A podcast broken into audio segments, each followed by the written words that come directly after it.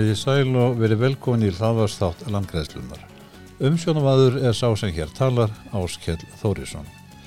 Gestur mín að þessu sinni er Tryggvi Felixson, formaður landverndar eh, sem eru staðistu náttúrundarsamtök Íslands. Landvernd eru frjálsum félagsamtök sem starfaði umhverjusmálum til að vernda og bæta lífsgæðin í landinu. Tryggvi, hvenar gerðist þú formaður stjórnar landverndar? Já, það er uh, akkurat ár síðan eða það var uh, 30. apríl 2019 á aðalfundi þá er ég kosin formaður til tveggja ára svo ég er um það byrja að ljúka fyrsta árinu mínu sem formaður landvendar. Ég þekki þó landvend, eh, þekkt landvend mjög lengi og ég minnist þess ég var í mentaskóla og, og ég, svona fyrir hluta uh, áttunda ára tvað síðustu aldar þá var ég í lífræði og fekk það verkefni að tala um mengun. Og vandaði mig góður heimildir og, og þá leitaði ég á skrifstofu landvendar sem þá var á skólaristíg og fekk eintak af bók sem að hétt mengun. Og e, það var eitt af fyrstur hittum landvendar sem gefum var út og hugtaki mengun var mjög lítið þekkt á og ég kynntist landvendi gegnum þetta verkefni síðan áttu það fyrir mér að líka að vera framkvæmstjóri landvendar um 6 ára skeið og svo við nú tvalið um 15 ára skeið erlendis eh, og þegar ég kom heim þá tók ég aftur upp þráðin og, og um, fór að stunda fundi hjá landvend og, og bauði mig fram í stjórn og svo ekslaðist að þannig til á aðalfundi að, að það var stungið upp á því að ég er formaður og aðalfundur samþykti þá tilugu. En uh, segðum við meira um uppbruna landurndar. Hvers vegna urðu samtökin yfirleitt til? Samtökin uh, er náttúrulega að koma úr, úr jarfi uh, sem að var að myndast í mjög breyðum hópi á Íslandi. Það var Læjonsklúpurinn Baldur sem hafi verið að vinna uppgræsluverkunum. Það var um, umhverfis, hérna ungmenna félag Íslands og það var eð, Íslenska náttúrufræði félag. Þetta var talsverð gerjum þarna á sjönda áratug síðustu aldar. Það voru að koma fram ströymar elendis frá eh, um, um, um mengun. Umhverju samtök höfðu verið stopna við um heimur, umverulega elstu samtökin í fyrir hundrað árum eða rúmlega það og þarna var sérstaklega voru var þetta hópur fólk sem hafi miklar áhyggjur af, af gróðri og jarvegseyðingu á Íslandi. Fyrsti formaðurinn var til dæmis formaður Skóratafélags Íslands, hann var jafnframt formaður landvendar Hákon Gumundsson uh, og uh, þessi hópur taldi mikilvægt á þeim tíma að mynda landvend og má segja starfsfél landvendar hafi svona sumuleiti verið speiklun á starfsviði skóratfélagsins sem átt að ná meira til jarvegsvendar en að beint. Og það er í þessum jarvegi sem að til dæmis Yngvi Þorstinsson náttúrufræðingur einn elsti félagi landvendar og einna stopnindunum hann uh, leggur mikla áslega þetta og, og, og reyna að varpa ljósi á hvað er að gerast með jarvegshegingu og hvernig megi bregðast við því. Ég held að ef við tækjaður orðið núna því að að uh, hann skrifaði mitt grein í 50 ára amaliðsitt samtakan árið 2019 ég held ég lesi upp hérna eina málskrein sem að lýsir vel því sem að yngvi var að hugsa. Hann segir telja má vísta að svo gífurlega rýrnum landkosta sem gróður og jarðvegseyðing hefur valdið á liðlega 1100 árum Íslandsbyðar sé án samjafnaðar mestu hamfari sem yfir þjóðuna hafa gengið og þær í hafa í aldana rás eh, valdið henni meiri hörmungun, hörmungum, eh, rýrnu lífskjara og neyð en nokkur önnur áföll. Þráttur áratuga baróttu og aðgerðir sem enn er langt til, til landas að jarðvegseyðing á Íslandi heyri sögunu til. Þannig er yngvi að lýsa þeim viðhorfum sem að, og þið, eins og hann sá þetta og trúlega þetta enn hansi ofarlega á dagskrá landverndar. Já, þetta, þetta er svona uppbrunnin, þetta er það sem að landvernd fekk í vega nesti af frumherjunum og þeim félagum sem að því stóðu. Við eigum blessunarlega elstu, einar elstu landgræslu stopnun í heiminum og það er mikið starfverið unnið undan farin, já frá því byrjun 20. aldar eh, en eh, ástandið er langt frá því að vera nægilega gott og við vitum eins og yngveðu benda og það er geysilega mikið leiðing og ennþá er verið að taka á afleiðingunum og ennþá er við að aðtökna okkur í landinu með þeim hætti að við, við stuðlum að áframhaldandi eyðingu eða komi vekk fyrir þann bata sem væri ef við höguðum okkar nýtiku landgæða með öðrum hætti. Þannig að þrátt fyrir að landvind hafi í liðlega 50 ár nú eh, hamrað á því að það þurfa að gera frekari breytingar á því hvernig við nýtum landið og hvernig við göngum um landið þá er það viðfórsöfni ennþá á dasgrá og bara um þessan undir er til dæmis verða að vinna nýja landgræsla áætlun fyrir næstu tíu ár og, og við hjá landin fylgjus náttúrulega með því hvernig framvindur því verki. En hvernig gengur að fá fólki í raðir landvendar? Já, nú er þess að geta að landvend voru lengi vel fyrst og fremst svona reglífa samtök. Það er að segja svo öflugir aðilar eins og hýð Íslenska náttúrufræðifélag og, og, og ungmennafélagið og bændasamtökinn og það voru mjög mörg öflug samtöku í Íslandi sem gerðu svona bakkjarl fyrir landvend og hún byggði ekki á einstaklingum. Síðan gerðist það í, í, í kringum þessa erfiðu deilur um káranhjúka þá, þá var aðstæða landvenda til þessara framkvæmda beinskeittari en, uh, og anstæðan meiri landvend en sumum þessara aðila sem voru bakkjarla landvendar á þeim tíma uh, hugnaðist þannig að þeir fóru að hverfa úr röðum landvendar og fjárhægur landvend og annað náttúrulega hafði áhrif á hann og, og stöðuna. Þá tók landvend þá ákvörðun að opna fyrir einstaklingsaðild og ég var nú frangotistjóra þeim tíma og fyrsta árið þá fekk landvend 50 félaga í sína raðir en í dag eru þeir nú rétt um 6.000 mm. og á síðasta starfsári sínist mér sem þeim að fjölgað um 300. Þetta er í sjálfum sér ekki hátala með við þau samtök sem við berum okkur saman við í nágrannlöndunum. Ef við tökum sístra samtök okkar í Danmörku þá eru þau 100 og 130.000 félaga Í, í Svíþjóð eru þau enn fjölminnar, ég held að það sé vel yfir 200.000. Þetta er kannski meira sambærilegt við það sem við höfum í Nóri en þannig að við teljum og með að við þann áhuga sem er á umhverfisvend að þá gætu við átt inni fleiri félaga og sjáum fram á það að, að, að vaksa. Félagarnir eru ákallega mikilvægir í dag, aðeldafélagin líka mikilvæg vegna þess að þau bæta við þekkinguna og sérstaklega þau mæta á aðalfundi og kom með ábendingar í tengslu við álíktarinn og annað, það þetta, er mjög mikilvægt. En um, einstaklingsaðildin í dag er megin uppstæðan í því að treysta fjárhagssamtakana. Já. Þegar ég skoða markmið landverndar þá séu strax að þau eru ansi metnaðarfull, það er nefnd verndun náttúru og umhverfis og endurraust spildrar náttúru Ég held þessi best að byrja þig um að fara í gegnum þessi markmið þannig að hlustendur áttir sig betur á því verki sem landvernd er að vinna að.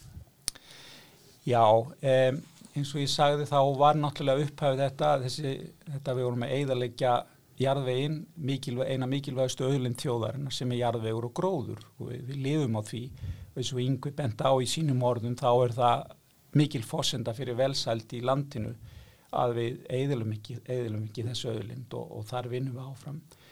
Síðan er önnur auðlind sem að hefur vakið vaksandi aðtikli og það er hérna, náttúra landsins og landslag.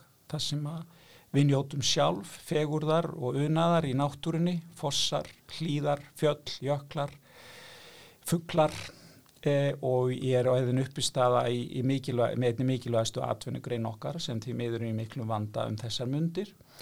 E, við höfum einnig hugsaum um, um eh, hluti sem tengjast mengun, fráveitu, vatnir, halda vatninu hreinu, ganga vel um umhverfið almennt. Í gamla daga voru fræg svona, þetta minna það í dag hérna að því nú eru allir að plokka eh, eins og fósittin hefur sagt okkur að gera að landvend á 8. arda síðustu aldar þá voru við með kjörorði reynd land, fáurt land og þá var mikið plokkað undir því kjörorði og það kjörður ánáttúrulega við ennþá í dag um gömul eh, plakkut frá þeim tíma.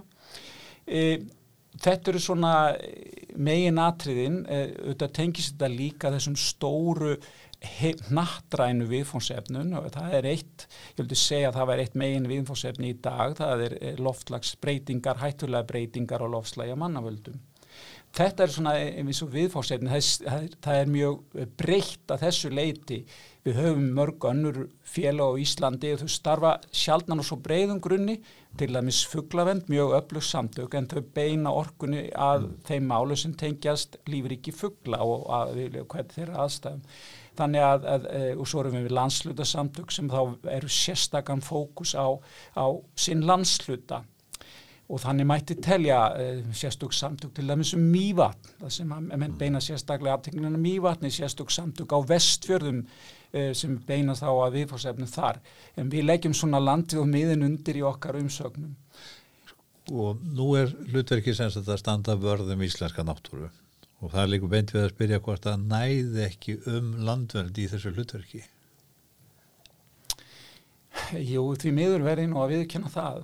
Sem formaður landvendar þá uh, þá er ég ofta að koma framfæri skoðunum í fjölmjölum uh, og ég fæ oft uh, frekar suppulega hveðjur um það er sumuleiti skiljanlegt í erfiðum málum, þessum umdeildum málum, ég get nefnt til dæmis áformum vegalagningu um Texco, um, kvalárvirkjun og, og það mæti nú telja einmislitt fleira áður fyrir náttúrulega Káranjúkar og Þjórsáver, um, það sem að unnum mikið á sínu tíma og betur verið þjórsóver komin í skjól. Þá fáum við að heyra ímislegt, jafnvel hótanir og um fengi það. Það er mjög holdt fyrir samtök eins og landvend að fá gaggrinni frá fólki í samfélaginu og það er mjög eðlilegt að séu álit, mörg álitamál þar sem að landvend tekur afstöðu út frá náttúruvendar og umhverjusvendar sjónamöðum. Svo eru ímis önnu sjónamið í samfélaginu sem er alveg réttmætt sjónamið og þessi sjónamið eiga að takast á á máletnilegum grunni. Það sem að ég hef áhygjurar er að þegar að byrja þetta leiðinda skýtkast Já. Við reynum yfirlt að svara því kurtislega en það eru einhverjir einstaklingar á Íslandi sem hafa ekki fengið það uppheldi sem að ég fekk hjá mömmu minni. Nei, nei. Ef, ef við horfum annars vegar á, á heimsmarkmið saminuð þjóðana sem ég gef mér að flestir kannist við og markmið landverndar þá finnst mér ég skinja þarna ákveðin samljóm. Er þetta ekki rétt? Jú, heimsmarkmið landvernd, eh, hérna, eh, saminuð þjóðana eru, eru í svona megin þeiminn eru 17 og svo eru yfir 160 undir markmið og þau eru mjög víðfem þessi markmið.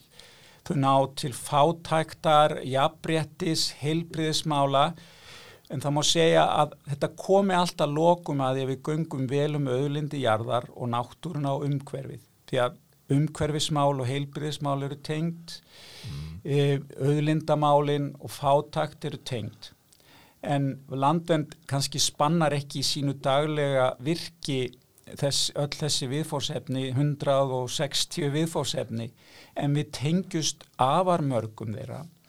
Og, og þau eru náttúrulega að tengjast hvort öðru.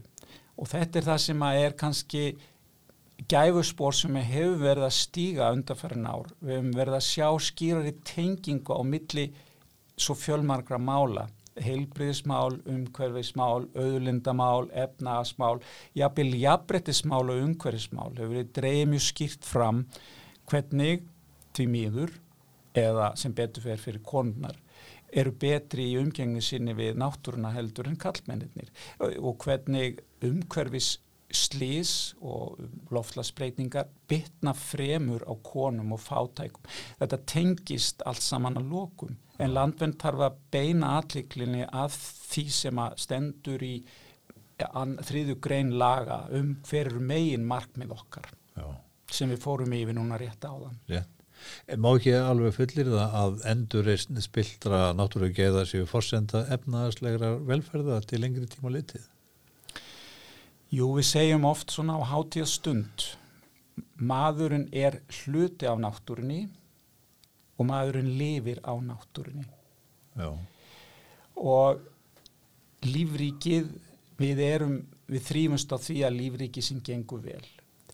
Og þá komum við að þessu með lífræðilega fjölbreytni. Lífræðileg fjölbreytni stuðlar að því að lífríkið geti tekið við áföllum betur og sé stöður eða, eða hafi meiri við, viðnámskraft þegar illa gengur á e, og við getum líka sagt sem svo í efnaðarslífinu þeimum fjölbreyttara sem það er þeimum betra er að takast á við áföll því þau, þau, þau hérna, dreifast á eða lend ekki á öllum geirum í einu.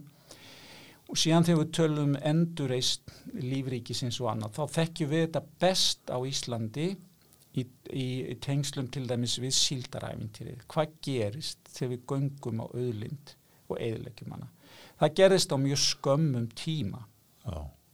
Um, og afleðingarnar urðu skelvilegar fyrir marga, fólk flutt úr landi og, heilu byðalögin voru miklum vanda að því við höfum eðilagt þessa auðlind. Svo getur við lítið á það, hvað gerðist við lærðum að höndla auðlindina? Nú veit ég að það er ímsi sem er ekki ánæg með það fiskveiði stjórnarkerfi sem við höfum en það verður allavega að hjálpa okkur til að ná stjórn á auðlindanýtingunni. Svo getur menn spurt hvort það dreifist með réttum hætti ágóðin og annað. Og þá komum við aftur að landin okkar gróðurinu jarðveginum. Þar hefur eiriningins gert á miklu lengri tíma. Við hefum ekki alveg gert okkur eins vel grein fyrir því hvað afleiðing það hefur haft á lífskýrið í landinu. Við þurfum svona segila sagtfræðingar að fara í gegnum það hagskíslur mörgundur ára við þurfum að lesa sögur af því þegar var kjarra á kíli og menn gáttu ferðast yfir kjöl. Við þurfum átt okkur á því hvað landi var miklu betra til búsetu þá með þeim gróðrið sem þá var uppi. Og svo getum við hugsað okkur hvað getum við gert til þess að komast í það ástand aftur? Bætt lífskilin, það verður ekki mínu lífi en getum við hugsað um það kynnslóði sem koma eftir okkar? Undibúið það þannig að við, við bætum fyrir tjónu sem hefur orðið á undaförnum hundruðum ára og reynda að bæta þann. Og svo komum við líka að nýjum möguleikum. Hvernig getum við nýtt þessa nýju möguleika að rækta skó og búið til auðlendi fyrir komandi kynnslóð með því? Og, og þetta eru svona allt hluta þessu að endurreisa uh, náttúrun að bæta fyrir okkar. En svo komum við að þessum stóru nattarinu vandamálum sem við stöndum framfyrir þá eru Íslinga bara svo lítið peð á vettfangi heimsins Já. en við þurfum að taka þátt í að leysa þau líka. Hluti af uh, því verki er líklega fræðsla um náttúru og umhverfi og í stefnu landverndar er mikið hort til fræðslu. Hvernig gengur að fræða fólk um umhverfismál? Já, ég sagði hér í upphæfi að ég tengdist landvernd fyrst í gegnum fræðslu. Það er að segja að ég var að leita mér upplýsinga um mengun sem var nýtt hugtak ég fekk þá hugdættu í lífræði og hvað falið að skrifa felja okkur eitthvað tema. Og um, á þeim tíma eh, voru við með útlendar útlendar hérna e, bækur í mentaskóla við vorum ekki með því að að lesa. Ég held að lífræðin hafi, að lífræðin hafi verið á, á norsku og og sjálfsagt hefur eitthvað hugtak þar sem hétt forurensning og, og eh, sem þýði vantilega mengun á Íslandi og, og ég fyrir að skrifa um það hvert fór ég að leita upplýsingum, ég fór til landvendar Já, og það má segja að landvend hafi frá upphafi haft þrjú megin stef í starfsemi sinni. Við fórum ekki hérna um markmiðin áfram. Fyrsta stefið er fræðsla. Því að til þess að geta gert eitthvað þá þá maður að skilja það og skilja akkur að það er mikilvægt. Og eins að átt að segja á því hvað er hægt að gera í framaldi því svo kemur náttúrulega þriðja stíð að vilja gera það. Það getur verið erfiðasta stíð af öllu að framkama það síðan. Mm. Annar hlutverk landvendar er að veita aðhald og það er það sem við verðum, erum ekki alltaf svo vinsæl fyrir það. Þegar við kærum einhverja ákvörðun, þegar við gaggrínum einhvað. Það er ekki vinsældar keppni, við erum ekki vinsældar keppni þá, við erum að reyna að vera trú markmiðu landvendar. Og þriðja atrið er að kasta fram hugmyndum um lausnir. Og fræðslan er í dag einhvern staðsta viðfórsefni landvendar, fræðslan. Við, um, við, hún er styrt við fáum styrki verulega frá ríkinu til fræðslustarfis ekki til starfins að gaggrína eða komið hugmyndur um lausnir.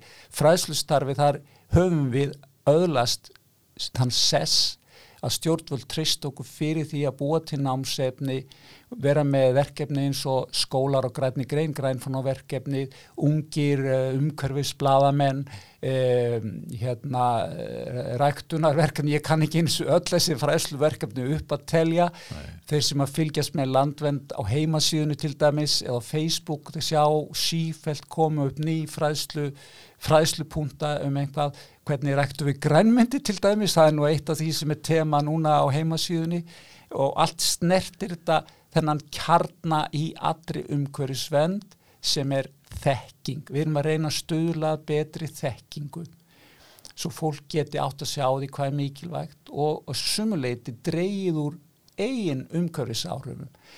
Til dæmis ég mann eftir einu verkefni sem vorum um langt ára bil sem hétt vistvendi verki sem fælst í því að reyna leiðbina heimilum hvernig við gætu bætt umhverfisbókald heimilisins. Já. Eh, þannig að fræðslan eins og þú nefnir þetta er afar mikilvæg þáttur í starfi landvendar. Ég sá það einhver staðar að eh, landverð kom á fyrsta náttúruskóla landsins og stopnaði hann, ekki satt? Jú, og það er uh, góð saga uh, þetta er náttúrulega mjög útbreytt í, í á Norðurlöndum. Mm. sveitafjölug hafa sett upp svona skóla þar sem að skólaböld fari í dagsferð eða jafnveg sólaringsferð út í náttúruna og það sem þau fá sína fræðslu um lífríkið og útveru og bæta heilsun í leiðina sjálfsögðu því að það er mikil heilsubót.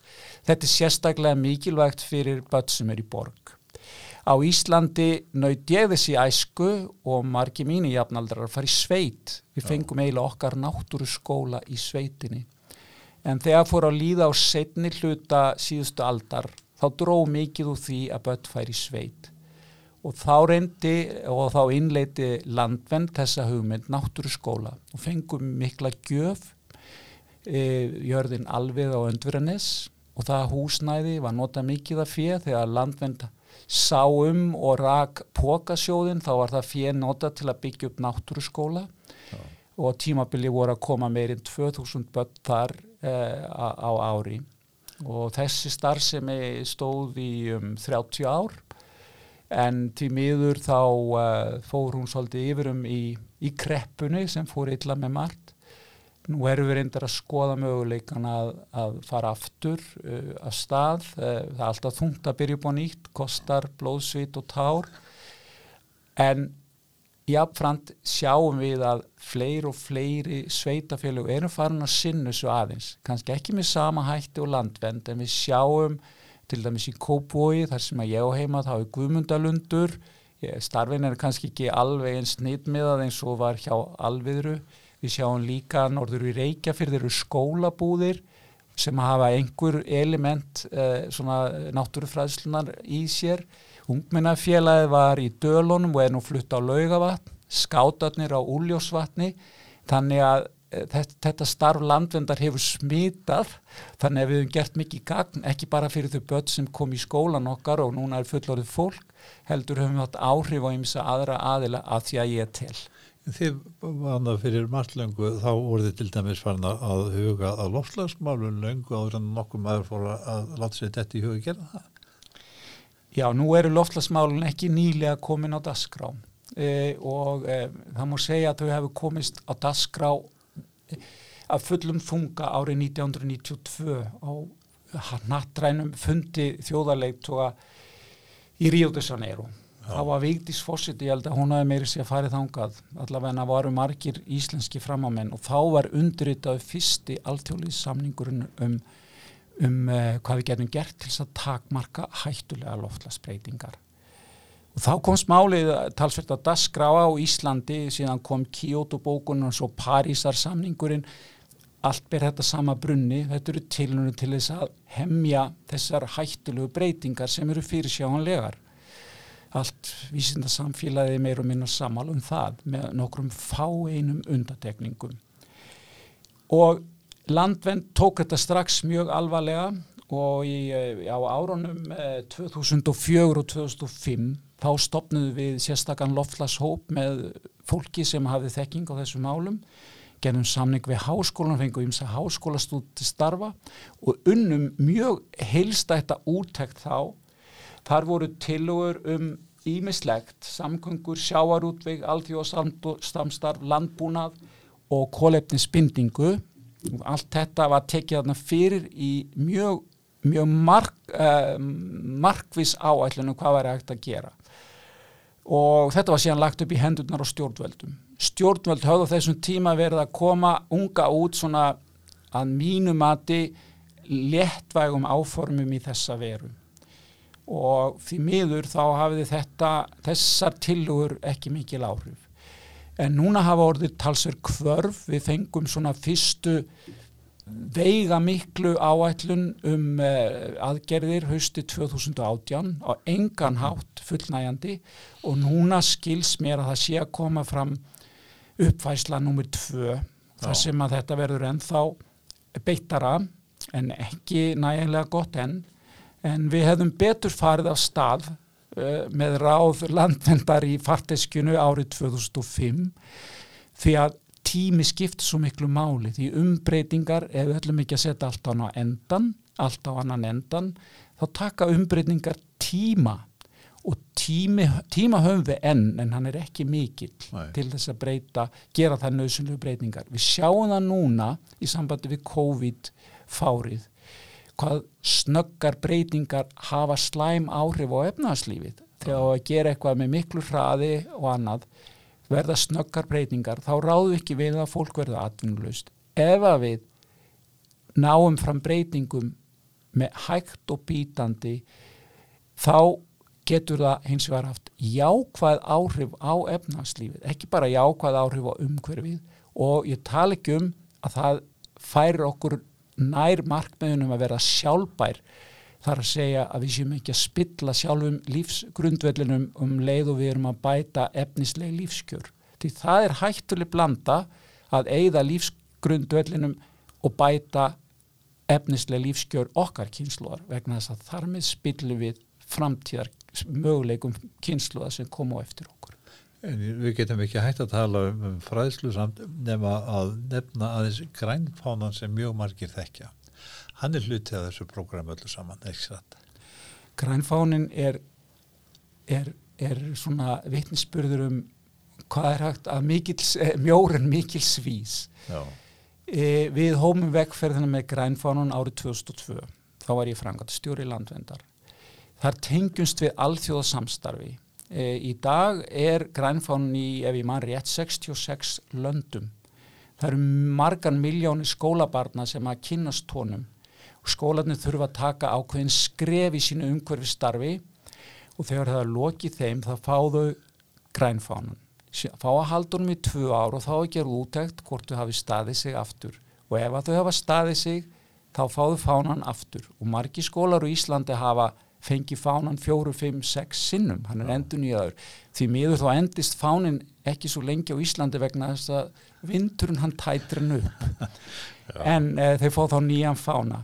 Þetta er, og núna í dag eru næstum 200 skólar með í þessu verkefni og mér sé Háskóli Íslands en nýjasta fjöðurinn í, í grænfála skrúðunum á segja, mjög mikilvægt háskólinn kom inn e, og hefur uppfyllt þessi skilirði og við skulum hafa það í huga að grænfánin hann er ekki veittur vegna þess að alls er fullkomið í skólanum. Hann er veittur vegna þess að menn eru sífælt að vinna að bæta umhverfið að gera betur í dag heldur en í gær. Og þeir áfarm að gera enn betur á morgum. Þetta eru hægar og jákvæða breytingar. Mm.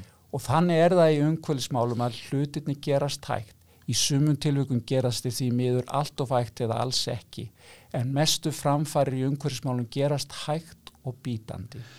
Nú hafa margir tengt í mitt grænfónan við grunnskóla en eins og nefnir að þá er Háskóli Íslands þarna með því för.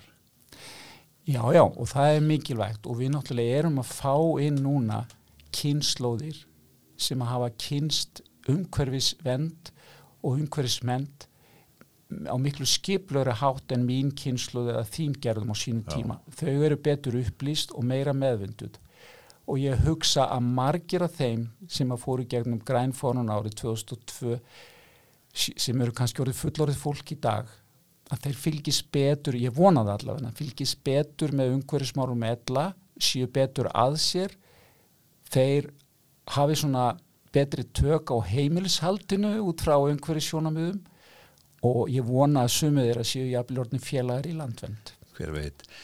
Uh, aðeins um hagsmuna árekstrað uh, ég sá í grein sem þú skrifaðir og vitna nú í hana. En sem fyrr eru sterkir hagsmuna aðilar, gróða hyggja og skamsýnir stjórnmálamenn helsta hindrunin á veginum til sjálfbærar þróunar. Uh, að nokkur orðin þetta? Ég hef oft sagt að fátakt og fáfræði eru helstu óvinnir umhverfisvendar. En það eru fleiri óvinnir. Fátakt að því þú hefur ekki svigrum eða getur til að þú ert að bjarga þig frá degi til dags. Fráfræði vegna og veist ekki betur. En fátakt og fráfræði er ekki afsökun í þjóðfélagi eins og Íslandi. Því að við erum afar rík og við höfum mik bjóðum yfir mikill í þekkingu. Þannig að þá verður hindrunar sérstakir hagsmunir sem koma fram í mjög mörgum málum. Og það er eðlilegt í samfélaginu vegna þess að samfélagir er þannig samsett að þegar einhver framkvæmt er áformuð, starfsemi, þá er það einhver sem eru haga henni. En þá vaknar alltaf spurningin, hefur samfélagi hagað henni, hafa komandi kynnslóðir hagað henni og það er þá sem að landvend skoða máli frá því sjónarótni. Og fyrir miður eru þessir sterku hagsmunu aðilar þá ráða þeir mjög oft niðurstöðu málsins. Mál, Stjórnmálamenn sita svolítið hjá, já, býða oft, þeir eru bara í kjöru til fjögra ára, hugsa mikið um kjördæmi sitt, Já. þar sem þeir þurfa að leita stuðning, vilja helst ekki styggja neitt og þeir verða ofmargir og oft svona svolítið hlutlausir í mjög erfiðum deilumálum. Hvað á virkinu dæmum það? Já. Við erum búin að draga fram alveg skelvelega þróun af því máli með því að skýr dæmum það að vinnubröð ramma áallur hann hafi verið brotin þegar hún var sett í nýtingaflokk. Ég skrifa hverjum einum og einasta þingmanni og líst fyrir honum með hvaða hætti alþingi tók ranga ákvörðun vegna þess að gögnin sem byggt var á voru raung. En það er ekki vilji til að leira þetta. Engin sem ég þekki á alþingi, ég fekk eitt svar sem sagði, já það er nú sennilega einhvað til í þessu hjá þér, en ekki meira. Nei, það er svo eitthvað rýr uppskera já. En aðeins um lífeyrissjóðuna, ég sá í grein eftir einhvern tíman að uh, þú sagðir eitthvað á þá leið að lífeyrissjóðuna væri mikilvæga stofnanir, uh, þeim verð því að hugsa til langstíma en ekki um flítigróða. Síðan sagður fjárfestinga lífeyrissjóða í framkvæmdum sem, ek- sem, sem valda miklum skada á náttúru landsins ættu ekki að eiga sér stað. Er þetta sem að gerast að lífeyrissjóðuna sé að, fram, uh, að fjárfesta í slíkum verkum? Já, það gerist. Og það gerist náttúrulega ekki bara eh, skulum segja peningar Já, fjárfýstingar geta verið til góðs eða íls það getur verið góðs til skemmri tíma en íls til lengri tíma. En fjárfýstingar geta verið til þess að bæta lífi til lengri tíma. Og við höfum sagt sem svo hjá landvend einn verðmætist til lífur sjóður komandi kynnslóða er náttúrun okkar landslag, víðerni. Það eru svo margir í heiminu sem ekki eiga slík verðmæti og við vitum að verðmæti sem eru fágætt þau hafa aðtráttarafl og við sjáum fyrir okkur að þetta eigi eftir í framtíðinni að skapa mikla möguleika. Hefur þegar skapað, hjálpað ykkur að komast út úr kreppunni frá 2008 og þess vegna verðum við að fara mjög valega þegar við förum út í framkvæðum sem spilla þessu. Sérstaklega þegar ekki hægt að sína fram á að framkvæmdunar hafi jákvæð samfélagslega ári. Það er að sína fram á þau að hafi jákvæð áhrif að fjára á einhvers fyrirtækis eða einstaklinga en það er ekki hægt að sína að þau hafi neinn þjóðhastlega áhrif. Hvalavirkjuna er þetta sína beint fram á að hefa neikvað þjóðhastlega áhrif. Það er þetta sína fram á um gagnist fáinum einstaklingum og kannski fyrirtækjum og svo trúa því margir að muni bæta orkuöryggi á vestjörðum en gögnin sem hafa verið framsett um það sína að það er um til miklu ódýrir aðgerið til þess að ná þeim markmiðum heldur um að spilla þessu svæði.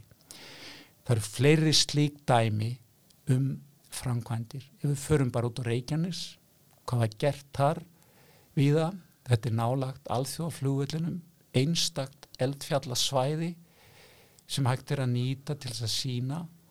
Við erum búin að spilla allt og miklu þar til dæmis við förum í sógin þar var ráðist inn í sógin, falli og blettur settu vegur og borpallur og svo var hlaupið út búið að spilla svæðinu og engin verðmæti þar nýtt þannig að við að sjáum við svona skamtíma sjónamið og, e, og gróðahyggjan svona dregur ykkur áfram.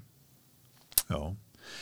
Þið eru miklu, sko landverð veit ég er, hún fer, er saumun á mörgu af því sem að, að alþingir er mitt að, að framleiðu, við getum sagt eins og Þið eru að gera aðtagsendu við lagafrömmvöp og, og fleira. Finnur þið það að alþingi sé að setja saman lagafrömmvöp sem ganga gegn hagsmunum umhverfisins?